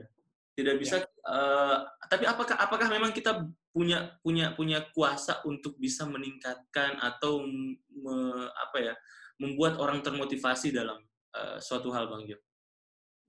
Gini, yang harus diingat gini bahwa tidak ada orang yang tidak punya motivasi. Oke. Okay. Ya, tidak ada orang yang tidak punya motivasi. Nah, cuma sekarang motivasinya terarah ke arah mana? Itu yang jadi persoalan. Hmm. Ya, arahnya ke arah mana motivasi? Hmm. Jadi kalau misalnya dia main tenis gitu ya, ya, motivasinya itu harus mengarah kepada tenis dan segala lingkungan tentang tenis. Kira-kira itu. Hmm. Nah, dalam dalam mencapai itu, maka kita sebagai orang yang katakanlah motivator hmm. itu bisa memberikan uh, api-api kecil, ya, api-api kecil untuk untuk orang ini terpacu dalam tanda petik ya, terpacu atau termotivasi untuk terus mendalami atau menerjuni atau lebih bersemangat berlatih dalam dunia tenis. Hmm. Misalnya apa? Misalnya api-api kecil itu saya eh, kita bisa mengatakan, uh ini ya, Federer itu sekarang udah berapa ya pialanya gitu. Hmm. Nah, itu kan membuat dia, oh iya. Kemudian kamu kamu coba cari deh, Federer itu kalau di rumah dia latihannya kayak apa ya? Hmm. Kalau dia lagi off season, gitu kan. Nah itu kan hal-hal yang bisa memberikan api-api kecil dia untuk terbangkit, hmm. terbangkit tapi yang membangkitkan kan diri sendiri. Hmm. Jadi saya setuju bahwa yang namanya motivasi itu harus intrinsik gitu ya. Intrinsik dalam olahraga, intrinsik motivasi. Tetapi juga kita harus ingat bahwa tidak mungkin orang tidak punya motivasi. Hmm. Orang pasti punya motivasi. Nah, cuma arahnya ke mana gitu loh kan? Hmm. Itu yang yang peranan kita adalah membangkitkan api-api tadi supaya dia tetap bisa hidup di dunia pertenesan secara umum. Hmm, iya iya iya ya. menarik menarik menarik. Itu akan menjaga motivasi dia. Jadi, iya iya iya. Ya. Karena uh, saya punya saya punya saya kan sekarang juga sebagai pelatih tenis uh, Bang Jo. Oke. Okay. Oke okay, dan uh, selain sebagai pelatih, saya juga uh, sebagai pendamping mereka di bidang psikologisnya. Nah, hmm. anak-anak yang saya latih saat ini sering kali memang menunjukkan karakteristik-karakteristik uh, yang uh, ya tidak termotivasi untuk latihan. Kita bisa melihat hmm. itu dari performanya yang turun secara drastis pada saat uh, hari itu. Nah, kemudian saya cari tahu cari tahu, oh ternyata anak ini itu keinget dengan almarhum uh, orang tuanya Nah, jadi dia beberapa kali uh, uh, ternyata itu sempat mimpi memimpikan orang tuanya. Uh, nah, sampai akhirnya ternyata dari orang tua dari ibunya yang masih hidup itu saya tahu bahwa oh, anak itu kemarin memang habis nelpon dan menangis gitu. Hmm. Uh, dia, dia, dia katanya rindu dengan ayahnya. Nah, kebetulan uh, anaknya ini masih SMP kelas 2, masih sangat-sangat belia memang masih di bawah 14 tahun. Nah, kemudian ayahnya sudah meninggal Nah pada saat itu pada saat satu minggu itu performance-nya drastis menurun. Ketika kita drill itu pukulannya banyak yang out yang tidak seperti dia biasanya. Tapi ketika kita berusaha untuk cari tahu, dia belum kayaknya belum uh, trustnya belum dapat dengan pelatihnya untuk untuk berka, apa menceritakan sejujurnya. Nah baru kemudian baru meninggalnya. Meninggalnya sudah setahunan, setahun dua tahun. Tapi memang dia akhirnya kan pindah ke Makassar dia aslinya uh, Sulawesi Tenggara, kemudian dia pindah ke Makassar karena ingin fokus di tenis. Nah, kemudian uh, di satu minggu itu drastis dia turun banget performance-nya. Nah, hmm. uh, kita mencoba untuk mencari tahu, anaknya juga agak tertutup ya, dia tidak tidak menceritakan ya. hal-hal itu uh, kepada pelatihnya. Barulah kemudian uh, kita berinisiatif untuk menghubungi orang tuanya, ibunya. Nah, barulah ibunya menceritakan ya kemarin memang dia sempat nelpon, dia sempat nangis nangis nangis, dia uh, kangen dengan orang tuanya. Nah, oh ibunya di di Sulawesi Tenggara tetap. Ibunya di Sulawesi Tenggara. Jadi anaknya di Makassar untuk pelatihan. Sama siapa? Dia, dia sendiri, dia, dia tinggalnya jadinya sama pelatihnya. Oke. Okay. Uh, jadi jadi memang dia tinggal sendiri. Itu gitu. problemnya agak rumit tuh.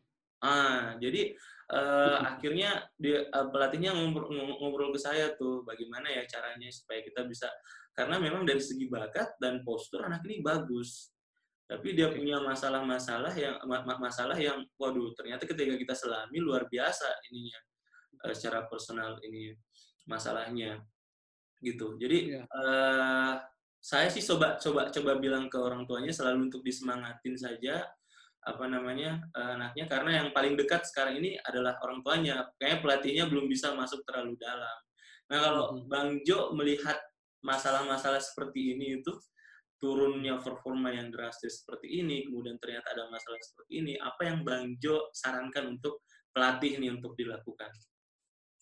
Ya, yang paling penting kan sebenarnya kalau seperti kamu sudah menemukan penyebabnya ini adalah masalah apa eh, soal orang tua ya hmm. orang yang tua sudah meninggal gitu ya. Nah berarti sekarang begini latihan itu kemudian menjadi perhatian yang kedua oleh hmm. pelatih dan kamu sebagai pendamping. Hmm. Jadi latihan itu tidak boleh dijadikan prioritas pertama. Hmm. Yang jadi prioritas pertama bagaimana mengembalikan perasaan dia gitu. Iya iya iya. iya. Ya, jadi uh, merasa ditinggalnya itu harus harus harus pelan-pelan terkikis gitu. Hmm. Nah, salah satu yang bisa dilakukan adalah kemudian memodifikasi bentuk latihan untuk anak ini. Hmm. Ya, iya, iya, iya. Misalnya drillingnya itu kamu buat sangat variatif sehingga dia happy.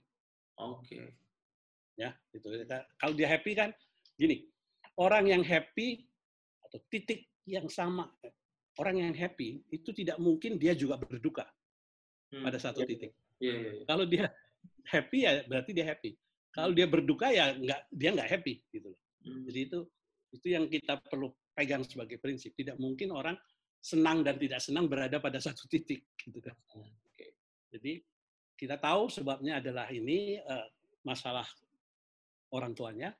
Jadi itu yang coba kita atasi dulu. Hmm. Soal latihannya itu jadi prioritas kedua. Itu sebabnya saya bilang latihannya bisa akan modifikasi hmm. supaya suasana hatinya itu ya, ya. mulai terbangun dengan baik. Misalnya latihan khusus untuk dia itu sangat variatif gitu. Kadang-kadang baru dia digabung dengan teman-temannya. Hmm. Tapi dengan cara itu anak itu dapat dua hal sekurang-kurangnya. Pertama adalah, oh iya ya aku diperhatikan ya. Hmm. Karena dia dapat ini yang khusus. Kedua, berarti ada orang lain yang memperhatikan saya. Ada orang juga yang memperhatikan saya. Kemudian yang kedua, dia tidak merasa terbebani oleh latihan. Hmm, ya, betul. Drillingnya itu dia nggak merasa terbebani. Dia bilang, oh aku bisa enjoy juga ya. ya hmm. Kalau approach itu bisa dijalankan, mudah-mudahan prosesnya itu Eh, bisa bisa berjalan lebih baik karena saya saya tadi sudah menduga ini anak ini pasti punya potensi kalau digeser dari Sulawesi Tenggara sampai ke hmm. sampai ke Makassar tadi kamu bilang dia posturnya bagus dan segala macam nah, mungkin ini kan sesuatu yang tadi itu potensi ya hmm. jadi belum diasah kan gitu ya, ya, ya, ya, ya. sekarang mau mengasah dia dengan baik hmm. tapi itu uh, ibunya juga apa bukan ibunya dengan dia habis meninggal setahun kemudian dipisah itu itu menurut saya juga terlalu berat tuh untuk betul, dia betul ya. betul jadi karena itu saya, saya bilang coba fokus pada masalah ini dulu gitu hmm. kalau ini nggak selesai latihan itu sama sekali juga nggak akan akan membantu dan akan berdampak jangka panjang ya bang Jaya ya kalau dia ini selesai latihan itu akan akan akan jalan sendiri gitu hmm. Oke, oke, oke, oke, oke, oke. Ya, menarik, menarik, menarik, menarik. Saya juga akhirnya punya insight juga bahwa ternyata di luar daripada hal apa pun, well-being daripada atlet itu yang harus menjadi uh, apa namanya hal pertama bagi seorang pelatih dan juga psikolog olahraga ya, uh, Bang Joya. Apalagi ini kasus ini anak-anak ya, Mufli ya. Hmm. Hmm. ya itu lebih lebih berat. Kalau udah dewasa kan ya terserah lo deh gitu kasarnya kan ya. Tapi kalau anak-anak kan memang harus kita bantu. Hmm, jangan sampai ini berpengaruh ke mana-mana jadinya Bang Joy. Bisa ya. mungkin uh, karena dia mempersepsikan latihan tetap harus jalan, kemudian dia dalam kondisi seperti ini dia bisa akhirnya berpikir wah menjadi akhirnya olahraga itu menjadi hal yang uh, mendistraksi dia daripada rasa rindunya dengan orang tua. Jadi akhirnya bakalan merembes ke mana-mana. Jadi akhirnya mungkin jangka panjangnya malah dia tidak termotivasi lagi untuk melakukan olahraga. Gitu ya. ya. Waduh, ini yang analisis kamu betul sekali itu. Hmm. Itu betul. Oke deh. Waduh. Luar biasa Bang Jo obrolan kita hari ini nih. Waduh, saya berterima kasih sekali karena sudah diberikan kesempatan untuk uh, ngobrol langsung berdua dengan Bang Jo. kemungkinan kita udah selesai dulu ngobrol-ngobrolnya Bang Jo karena ternyata udah hampir dua jam kita ngobrol nggak. Saya sih tidak terasa ya. Mungkin Bang Jo belum makan siang kasih. Jadi apa-apa saya saya memang udah sisihkan waktu nih. Waduh luar biasa. Itu yang terima kasih banyak Bang Jo saya sebagai uh, orang-orang yang baru terjun di bidang psikologi olahraga memang sangat-sangat butuh sekali dalam tanda kutip perhatian atau ujangan-ujangan saran daripada orang-orang yang sudah berkarir lama di di, di bidang psikologi olahraga supaya ya uh, kita juga punya apa yang apa yang senior senior kita punya gitu banyak minimal pengalaman-pengalaman cerita-ceritanya itu kita bisa uh, serap supaya nanti ketika ada hal-hal yang terjadi di lapangan kita bisa langsung uh, relate seperti itu bang Jo. Ya. Ya makanya saya bilang terima kasih banyak atas waktunya Bang Jo, uh, saya sangat-sangat bersyukur Bang Jo meluangkan waktu sampai sampai ya, ya. dua jam. Suaranya hilang, oke. Okay. Oke. Okay. Jadi uh, sebelum kita tutup, uh, saya mungkin mau video dulu sedikit Bang Jo ya uh, untuk untuk uh, ininya. Saya mau videoin dulu supaya teman-teman uh, di nanti nanti tahu nih kalau kita habis ngobrol-ngobrol. Ya. Halo Bang Jo, waduh selamat. Halo. Uh, ini kita udah alhamdulillah udah ngobrol lagi, udah hampir dua jam lagi nih Bang Jo. Ya. Jadi terima kasih banyak. Ya saya saya sama-sama.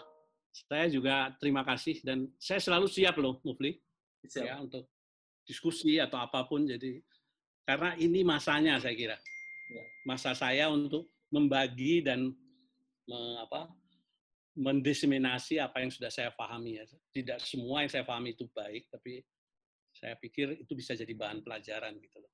Oke deh. Jadi buat pesan-pesan teman-teman di uh, anak-anak muda yang mau terjun di bidang psikologi olahraga, ada pesan-pesan tidak Bang Jo? Pesannya gini, kalau kamu passionnya ke olahraga, kejar itu. Saya ingin mengatakan, saya sudah ke semua benua di hmm. dunia ini, kecuali Afrika. Semua karena olahraga. Saya pernah ke Amerika, pernah ke Eropa, pernah ke Australia, pernah ke Asia. Itu semua karena passion saya terhadap dunia olahraga. Jadi silahkan kejar itu kalau Anda berminat di situ, lakukan itu dengan baik dan dengan penuh gairah gitu loh, jangan lemes-lemes gitu. Oke deh. Sukses deh pokoknya kalau gitu. Terima kasih Bang Jo. Ya itu. Oke lah Bang Jo, kalau begitu terima kasih banyak atas waktunya ya. saya sekali lagi mengucapkan Sama -sama. syukur yang, yang, yang luar biasa. Kalau misalnya ada hal-hal yang uh, saya nanti akan sangat banyak sih hal-hal yang ingin saya diskusikan dengan Bang Jo. Nanti mudah-mudahan ada waktu lagi kalau sempat ada main ke Jakarta, saya akan ngobrol langsung dengan Bang Jo. Ya, silahkan. Oke. Oke. Okay. Terima kasih Bang Jo. Selamat ya. siang. Selamat sore. Selamat sore Bang Jo.